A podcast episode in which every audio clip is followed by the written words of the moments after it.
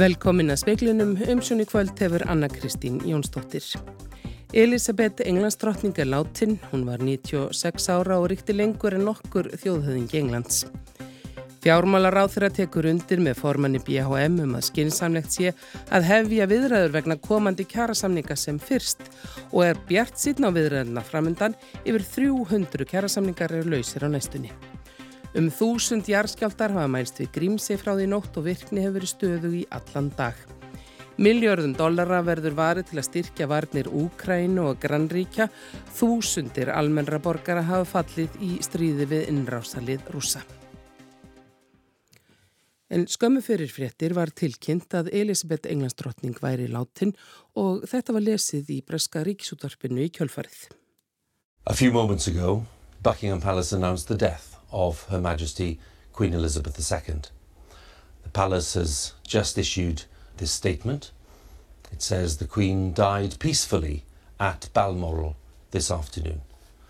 The King and the Queen Consort will remain at Balmoral this evening and will return to London tomorrow. Og þarna sagði Hugh Edwards fréttaþölur BBC að í tilkynningu hyrðarinnar hefði komið fram að drotningin hefði fengið hægt andlát í Balmoral kastala sem er í Skotlandi. Karl Kongur og kona hans Kamila eruðu í Skotlandi nótt en færu til Lunduna á morgun. Ingi Björg Saragvömmustóttir hefur fylst með þessum fréttum í dag.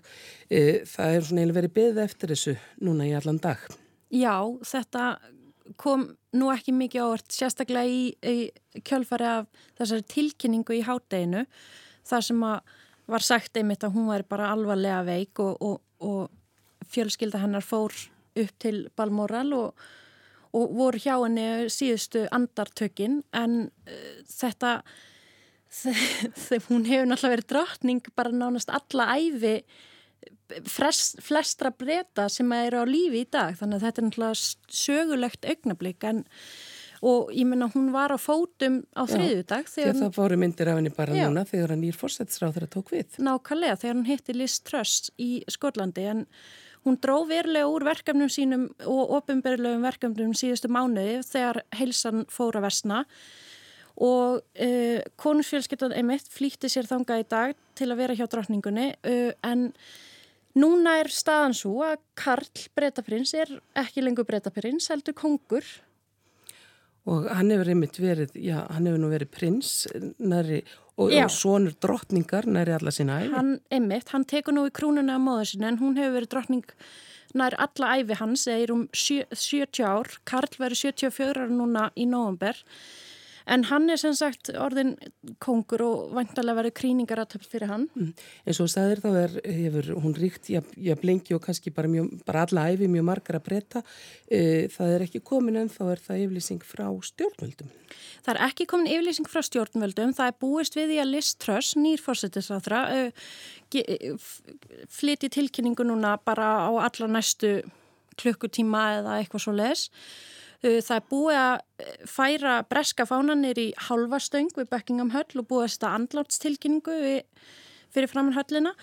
Uh, þannig að nú fer afstæðaferðli sem búið að skipulegja í þaula. Það er sem sagt andláts, andláti hennar, það verður skipulegð útför. Þjóðarsorg verður líst yfir í Breitlandi og varir mærtalega næstu daga ef ekki vikur. Þannig að já, þetta eru bara sögulegi tímar. Þakka yfir þetta Ingi-Björg Sara Guðmundsdóttir og við fáum að heyra meira viðbröðum í Englandi og á alþjóða vettvangi fréttum í kvöld og á morgun. Bjarni Bendiktsson fjármálaráþra tekur undir með formanni BHM um að hefja viðræður vegna komandi kjærasamninga sem fyrst. Bjarni segist opinn fyrir því að hefja það samtal. Það sé þó fyrst og fremst samningsaðilan á saman en Bjarni Bjart síðan á þær kjæraviðræður sem eru framöndan. Rúmlega 300 kjærasamningar meiri hlutalögn þegar á íslensku vinnumarkaði eru lausir á næstunni. Ég uh, tek undir með formanni BHM um að, um að það er betra að vera í tíma að, að undirbúa kjærasamninga en að láta þá renna út og hefja þá fyrst samtalið. Þannig að við munum uh, ræða saman og, og uh, ég er bara mjög opinn fyrir því. Ég held hins vegar að allir gerir sér grein fyrir því að það er lang uh, skinsanlegast og lang best fyrir uh, vinnumarkaðin í heilsinni að almenni markaðurinn ljúki sínum viðræðum áður en óperumarkaðurinn kemst að niðurstuðu. Ertu bjart síðan á þessar kjara viðræður sem eru framöndan? Ég ætla að lega mér að vera það, já. Ég uh, tel að það sé margt sem að uh, þurfi að ræða uh, en við höfum nú þegar brúðist við öðrum þáttum. Ég nefnir til dæmis húsnæðismálun þar sem við höfum verið með mjög markvísar aðgerðir í undirbúningi sem að verða kynnta núna í haust og það hefur verið unnið mjög svona, þétt með vinnumarkas aðilum. Það eru fjölmarkir aðri þættir sem að verða auðvitað undir í þessari lotu sem að snúa stjórnvöldum uh, en fyrst og fremst er það markas aðilana að ná saman. Saði Bjarni Benditsson, Jóhanna Vigdís Hjaltadóttir talaði við hann. Ekkert lát er að skjáltarhrínu, jarðskjáltarhrínu norðaustur á Grímsi, stöðug virkni hefur verið þar í allan dag. Stæsti jarðskjáltin mæltist 4,9 og fannst vel í eigunni. Um þúsund skjáltar hafa mælst við Grímsei frá því í nótt. Stærsti skjáltin mæltist 4,9 stærð klukkan fjögur í nótt. Þrýr skjáltar yfir fjórum að stærð mæltust í kjölfarið, sá síðasti klukkan 6 í morgun. Upptekin voru norðaustur af Grímsei. Veðurstofu Íslands barst fjöldi tilkynninga frá fólki víða á Norðurlandi sem fann fyrir skjáltanum. Sigriðu Kristjánsdóttir, náttúruvar sérfræðingur á veðurstofunni, segir að yfir 400 skjáltar hafi mælst frá því á hádegi og því ekkert láta á hrinunni en þær eru algengar á svæðinu. Þetta er bara hefðbörnu virkni þarna á þessu svæði, á þessu brotabelti sem er þarna við Grímsi. Það er búin að vera tölver virkni í dag saði Sigriður Kristjánsdóttir, Urður Örliksdóttir tók saman. Leðsugumenn með reyndiraveiðum leggja til að eitt helsta veiðisveiði verði fríðað, tímabundið eða físinæst fríðað og þetta gert til að fjölga dýrum. Ítla gengur að finna reyndir. Nún er búin að vera reyndirverði í gangi og þá hafum við upplifað það að inn á svo kallu svæði 2 sem er að milli jöksár á Dal og Lagafljóts og Grímsár Það eru nánast ekkert verið dýrum í haust þannig að það verið mjög erfitt að ná þeim kvóta sem hafa búið að gefa út á það svæði. Þetta er búið að vera núna þrjú síðust ármesti, þrjú fjögur og í sumar í júlítalningu þá kerðum við þverbakti þá töldust þarna tæp 350 dýr. Og inn í því eru kálvar og vetrungar sem er ekkit veiðdýr þannig að það er ekki stór stopp til að veiða úr tæp 200 leifi segir Jón Hávarður Jónsson, formaður félags leðsögumanna með reyndýraveiðum. Umhverfistofnun brá á það ráð að bjóða veiðimönnum sem eiga leifi á svæði 2 að skila þeim inn og fá endurgreitt að fullu og hafa um 30 þegið það bóð. Þá var einnig leift að veiða dýrin á öðrum svæðum. Leðsögumenn vildu hins vegar stöðva veiðarnar um miðjan ágúst og telja að bregðast verði við.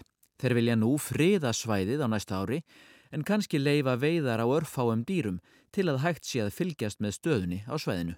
Næsta ár verði nánast engin kvóti á svæði 2. Við myndum þá bara fara í það verkefni að reyna að leifa dýrum að komin á svæðið og ná að setjast þar að og fá frið til þess. Náttúrustofa Östurlands telur reyndýr úr flugvél og er sá fjöldi sem finnst talin lámarksfjöldi, svo er bætt við sem getur valdið skekju.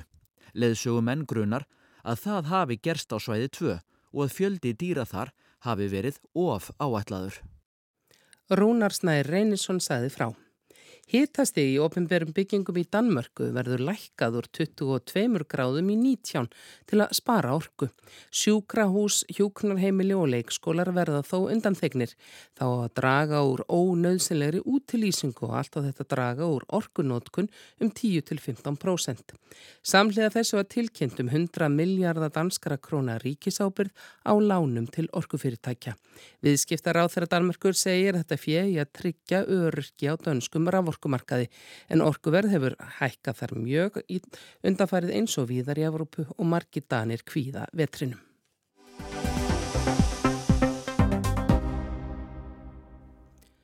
Bandaríkjastjórn ætlar að reyða fram hátt í 2,7 miljardar dollara til að ebla varnir Úkrænu og átján nágranna ríkja í Evrópu.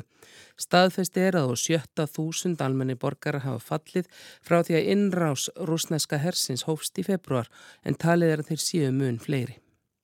Samráðshópur um varnir Úkrænu, varnarmálaráþerrar og hátsettir herfóringjar yfir 50 þjóða komu saman í Ramstein herstöðinni í Þískalandi í dag í bóði Lloyds Austins varnarmálaráþerra bandaríkjana. Þar tilkynntan að bandaríkja stjórn ætlaði að senda úkrænumannum vopn, þar á meðal flugskeiti, brinnvarinn farartæki, skotfæri og annan búnað að verðmæti 675 miljóna dollara. Now we're seeing the demonstrable success of our common efforts on the battlefield. Við erum farin að sjá árangurinn af sameigilegu átæki okkar á vývellinum, sagði Lloyd Austin. Á hverjum degi verðum við vittni að staðfestu samherja og samstarf þjóða um allan heim sem aðstóða úkrænumenn við að standast ólögulegt, imperialistist og óforsvaranlegt landvinningastrýð rússa og við verðum að bæta í eftir því sem stríðinu flegir fram. Þá tilkynnti Antoni Billingen, utarrikisráð þeirra bandaríkjana, þegar hann kom í óvænta heimsókn til Kænugars í dag, að ákveðið hefði verið að veita úkrænumönnum 1 miljards dólara styrk og lán til langs tíma til að kaupa búnað frá bandaríkjunum. Einu miljardi til viðbótar verður varið til að styrkja varnir í átján nágrannaríkjum Úkrænu innan Allandsásbandalagsins sem utan gegn rúsneska hernum. Þeirra á meðal eru Eistrasaltsríkin, Moldova og Georgia. Þessar upphæðir koma til viðbótar að minnstakosti 13 miljörðum dollara sem bandaríkin hafa þegar veitt Úkrænustjórn í hernaðaraðstóð. Þessi tíðindi koma á sama tíma og stjórnvöldi kennugarði tilkynntu um árangur í gagnsókn úkrænska hersins gegn rúsneska hernámsliðinu í norðri, söðri og austri. Volodymyr Selenski fórseti skýrði frá þessu í áarpi sínu til þjóðarinnar í gerkvöld.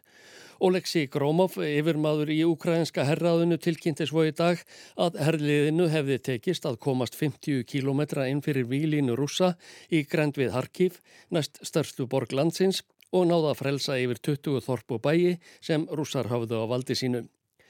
Ígor Konashenkov, talsmaður varnarmálaráðunittis Rúslands, saði á fundi með frettamönnum í Moskvu að tvær bráðabyrða herstöðvar Úkrænumanna í Donetsk hér aði hefðu verið eðilagaðar í flugskeita árás. Всего на Николаево-Криворожском направлении противник за сутки потерял два танка, шесть боевых машин... Síðastliðin sólarhing hefur óvinnurinn mistið tvo skriðdraka, sex aukutæki fótgönguliðsins og fimm önnur brinnvarinn farartæki og 190 hermenn í grendi við Milakóeif og Krivki Rí, saði talsmaðurinn. Mannfall í Úkrænu heldur áfram eftir því sem bardagar halda áfram millir stríðandi fylkinga. Rosmarie Di Carlo, aðstóðar aðalframkvæmda stjóri hjá saminuðu þjóðunum, greindi öryggisraðunni frá því í gær að frá 24. ágúst hefðu borist staðfestar upplýsingar um að 104 almennir borgarar hefðu látið lífið af völdum hernaðaraðgerðina, þar af tíu börn. Yfir 250 hefðu særst. Þar með sagði Rósmæri Di Carlo að samkvæmt gágnum mannreitnindastofnunar saminuðu þjóðana væru 5.718 almennir borgarar fallnir, þar af 372 börn. Á 9.000 hafa særst. Di Carlo ítrekkaði að þetta væru einungis staðfæstar upplýsingar. Vafalust hefðu mun fleiri særst og fallið. All these numbers and facts, though shocking, cannot convey the full scale of the tragedy. Þessar tölur og staðreindir, svo sorglegar sem þar eru, geta ekki gefið til kynna harmleikin sem að baki býr, sagði Rósmarit í Karló.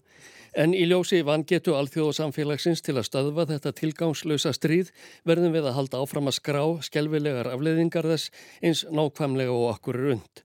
Það er skilda okkar og raunar það minsta sem við getum gert til að hjálpa til við að afstýra því að átökin færist í aukana og að koma í veg fyrir að önnur sambarileg blossi upp. Ilse Brands Keris, aðstofar Frankvandastjóri mannréttinda skrifstofunar í New York, skyrði öryggisráðunni frá því að um það byl 7 miljónir úkrænumanna væru á flóta innanlands vegna stríðsins og miljónir til viðbótar hefðu flúið til annar landa. Þetta væri meðal annars afleiðing þess að borgaralegir innviðir samfélagsins hefðu verið lagðir í rúst og hús eðilögð. Mannréttindabrót herrnámsliðsins á svæðum eh, sem það hefur lagt undir sig hafi aukið enn frekar á flótamannaströminn. Vasili Nebensía, fastafulltrúi Rúslands hjá saminuðu þjóðunum, vísaði öllum ásökunum á bug. Сегодняшнее заседание, созданное по запросу Соединенных Штатов и Албании, имеет шансы все шансы стать новой вехой в дезинформационной кампании, развязанной Þessi fundur sem bóðað var til að Ósk Bandaríkjana og Albaníu á góða möguleika á að marka tímamóti þeirri fals upplýsingaherferð sem Úkrænumenn og stuðningsþjóðir þeirra hafa leist úr læðingi gegn Rúslandi, sagði sendiherran. Taktik vestur veldana er gegnsæ að heia stríð þar til síðasti Úkrænumadurinn er fallin. Þeir gera allt sem undir til að ófræja Rúsland og þær sértæku hernaðaraðgerðir sem við eigum í um þessar mundir.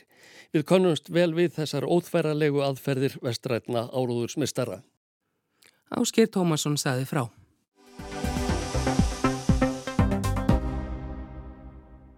Fiskaldi hefur verið kallað bláa byltingin og hort til þess til að fæða heimsbyggðina. Norðmenn hafi verið langstæstu framleiðendur eldislags í Evrópu, framleiða 1,3 miljónir tonna á ári. Brettar komaðum næstir, þá færiðingar og svo Íslendingar. Framleiðsla á eldislagsi hefur markfaldast hér á síðustu árum. Hún var undir 5.000 tonnum árið 2015 en 45.000 tonni fyrra.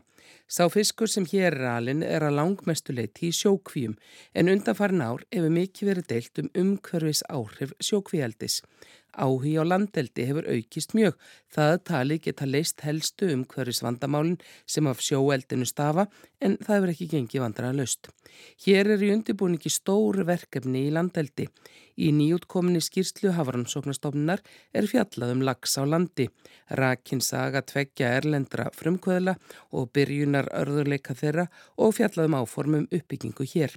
Leo Alexander Guðmundsson, lífræðingur og höfundur skíslunar, segir að álíka magnafiski sé úr eldi og veittir úr hafinu. Því er spáð að fiskeldi muni aukast í komandi árum, áratögum og verða stærra heldur en fiskuðar í sjó. Í heiminum eru framleitt um 50 miljónir tonna af fiski, af þeim er langstæsti hlutin feskvassfiskar. Fiskar í söldum sjó og, og í söldu vatni. Það er eins og, eins og lags að það er freka lítið hluti af, af heldinni og svona í sambandi við fæður ekki heimsins að þá er það feskvarsfiskarnir sem er, er ódýra að framlega það, það er svona mikilvægi hlutin að þessu í, í stóra saminginu lagsheldi og svona þetta er meiri lúksusvara Landeldi, það hefur lengi verið landeldi á, á, á tegundum, alls konar fisktegundum en landeldi á lagsi, það hefur verið reynd fyrir nokkur áratögum og gekk ekki bara vegna stöðu tækninar þá og dælu kostnar, þannig að, að menn gáist upp á því og, og fóru alfarið út í, í sjókvíjar. En svo hefur bara orðið mikil tæknið þróun og sérstaklega þá í þessum endur nýtingakerfum sem að skýslan fjalla meðal annarsum sem að gerir þennan möguleika bara kleifan. Af hverju ættum við frekar að vilja fara í landeldi heldur en sjóeldi? Í landeldi að þá er möguleiki á að losna við helstu vandamál sjókvíeldis, svona umhverfisvandamál. Stór hluti af umhverfisfótspóri hérna, eldis almennt að það er framleiðsla fóðri þannig að það hefur engin áhrif þar. En við erum þá að tala um að þetta getur komið veg fyrir mögnun laxalúsa í umhverfinu, komið veg fyrir erðablöndun, það sem að fiskar sleppa ekki úr þessum landeldustöðum, eða eiga ekki að gera það, það eru nú til dæmi um að laxa sleppi úr, úr, úr landeldi, en og svo líka geta menn náði fóðuleifar og úrgang sem er mjög mikill úr í sjókvíeldinu og geta þá nýtt hann til í virðisaukandi afurðir, hvað sem það er, hvort sem að það er hérna, að búa til orgu eða til ábörðar. Algengustu endurnýtingarkerfin í landeldi miðast við festvatn. Þegar farið var að nota salt eða ísaltvatn kom upp ímis vandamál. Þessi endurnýtingarkerfi, er svona hjartað í þeim stöðum eða kerfum er líffilter eða lífreynsir sem er bakteríu samfélag sem að breytir ammoniaki í önnu nýtursambönd sem eru minna skadaleg fiskum og uh, þau hafa virkað öðruvísi í saltvatni heldur en í ferskvatni.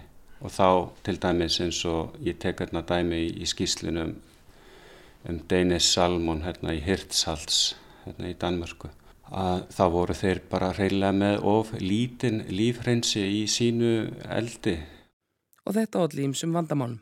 Þessi saga er eiginlega alveg lígileg. Það komu alls konar atriðu sem að ég þá tek fram í, í, í skýslinu og, og er bara til upplýsingar og vonandi geta einhverjir nýtt sér þessar upplýsingar en þeir voru með hugmyndur um að síja affallsvatnið í gegnum sendin jarðveg þarna og fósforin er þið þá eftir í jarðveginum og, og, og vatni síðan endur nýtt að hluta eftir þá meðferðin en síðan var bara leirlag þarna í, í sandinum sem að stöðvaði þetta ferli og það myndaðist bara full pittur og það laðist brennistins fníkur bara yfir hirtsalts og íbúar urðu æfir og, og um tíma var bara óljóst hvort þeir fengið að starfa þarna aftur. En þeir fengið að breyta stöðinni en það þýtti þá líka þeir voru að leysa meira af næringarefnum út í umhverfið.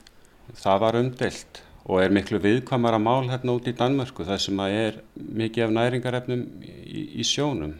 Vatnatilskipun Európusambandsins, hún gerir bara ráð fyrir að Danir megi dæla ákveðu magni af næringarefnurum út í sjó og þannig að þeir fengu að auka sitt frárensli næringarefna og, og þá, þá spurðum við hvað ætlaði að, að, að minga í staðin.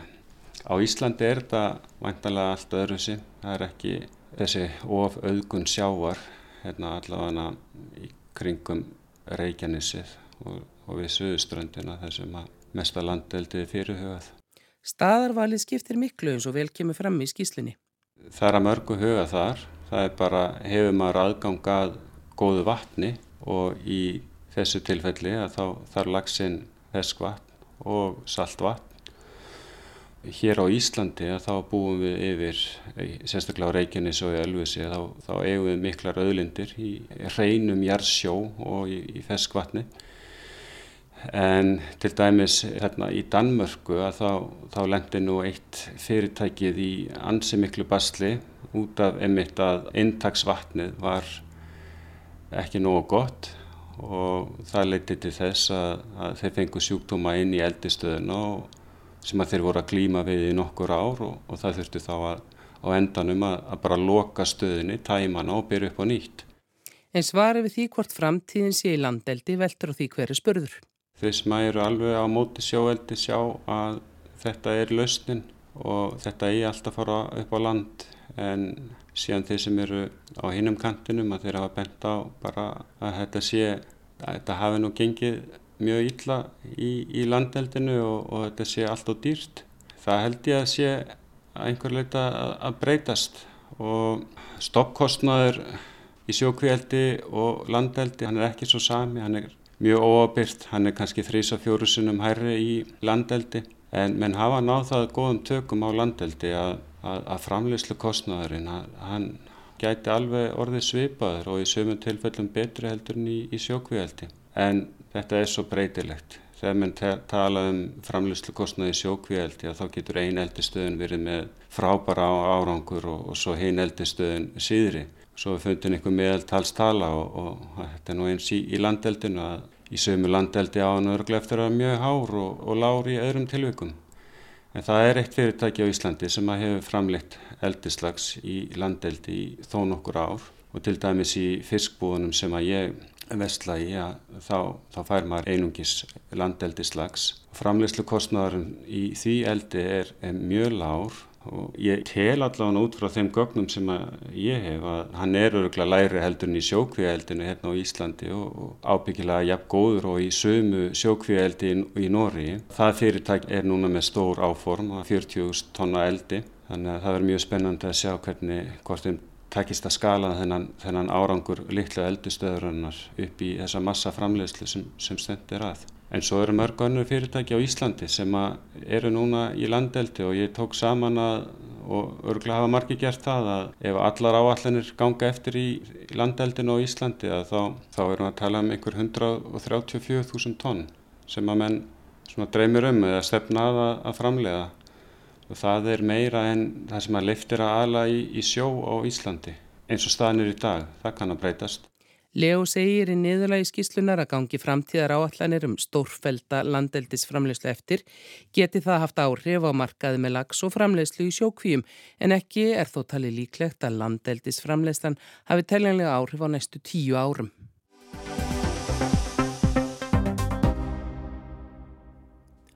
Norðmenn búast við gúrku og tómatakrísu í landinu þegar fyrir jól.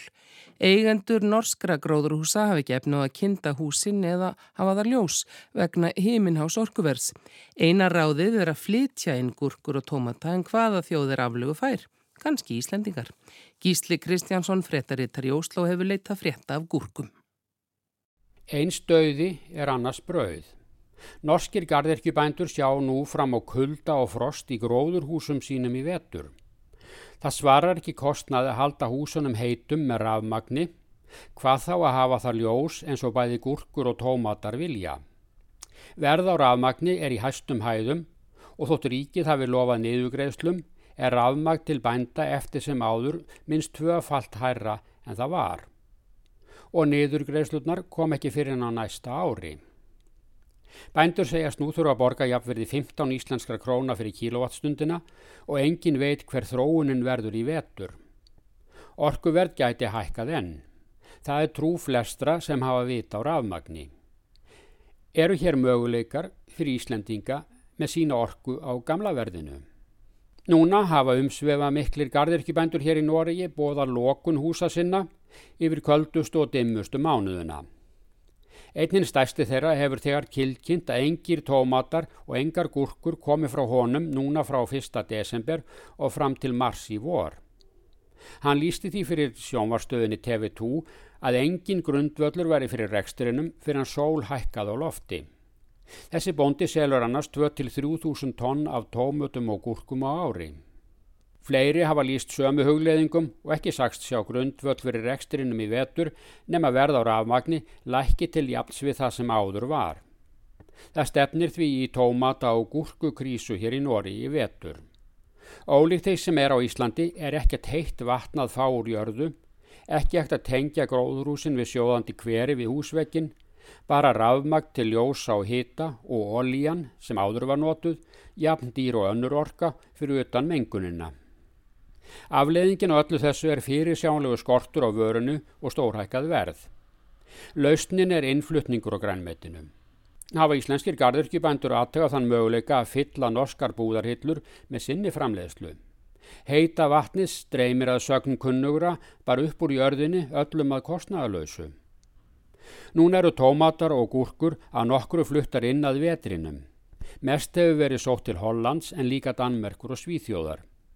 En gardirkjubandur þar eru líka háðir afmagni sem þeir kaupa álíka dýru verði og norskir starfsbræður þeirra. Ef þessar þjóðir einast í vetur aflögufærar með gúrkur og tómata má rekna með háu verði fyrir hotlustuna. En er svo grænmetistjóð lengra í söðri, það eru spánverjar sem oft hafa hlaupið undir bakka þegar skortur hefur herjað á norðmenn. En núna eru þar þurkar til vandræða og ekki víst að þaðan fáist safaríkir gárðávextir í vetur. Þessi vandi á ekki bara við um gúrkur og tómata heldur garda ávexti yfir leitt. Frest hefur á rópnabændum sem hafa plækt gullrætur sín og rófur nýður í agrana núni í haust. Það svarar ekki kostnaði að bera uppskýrun í hús og geima hann í kældum geimslum til vetrarins. Rafmagn fyrir kælivélarnar er orðuð af dýrt. Sandra Borg, ráð þeirra landbúnaðar og matvæla, segir ekki standi til að greiða rafmagn neyra niður en þegar hefur verið gert. Bændur verða að bera kostnaðinn og bændur hafum tvent að velja að loka gróðhúsum sínum og kæligeimslum eða senda rekningin áfram til neytenda. Neytendur geta sjálfsögur reynd að sinna þörfum sínum um hotlan mat sjálfur, safnað eplum og öðrum ávöxtum og tínt ber. En samt það svarar ekki kostnað að sjóða sultu þegar afmagn er orðið svo dýrt. Allt þetta ætti að stöðla stórautnum útflutningi frá Íslandi. En eftirspurnin myndi trúlega leiða til þess að íslenski neytendur er það borga evróst verð fyrir uppskeruna úr hvera kynntum gróðurhúsum landsins. Og veðurhorfur til miðnættis annað kvöld, það verður söðaustan og austanátt, 5-13 metrar á sekundu og víða ryggning á morgun, en bjart og hlít um landið norð-austanvert. Fleir er ekki í speklinum í kvöld, tæknimaður var Mark Eldredd, veriði sæl.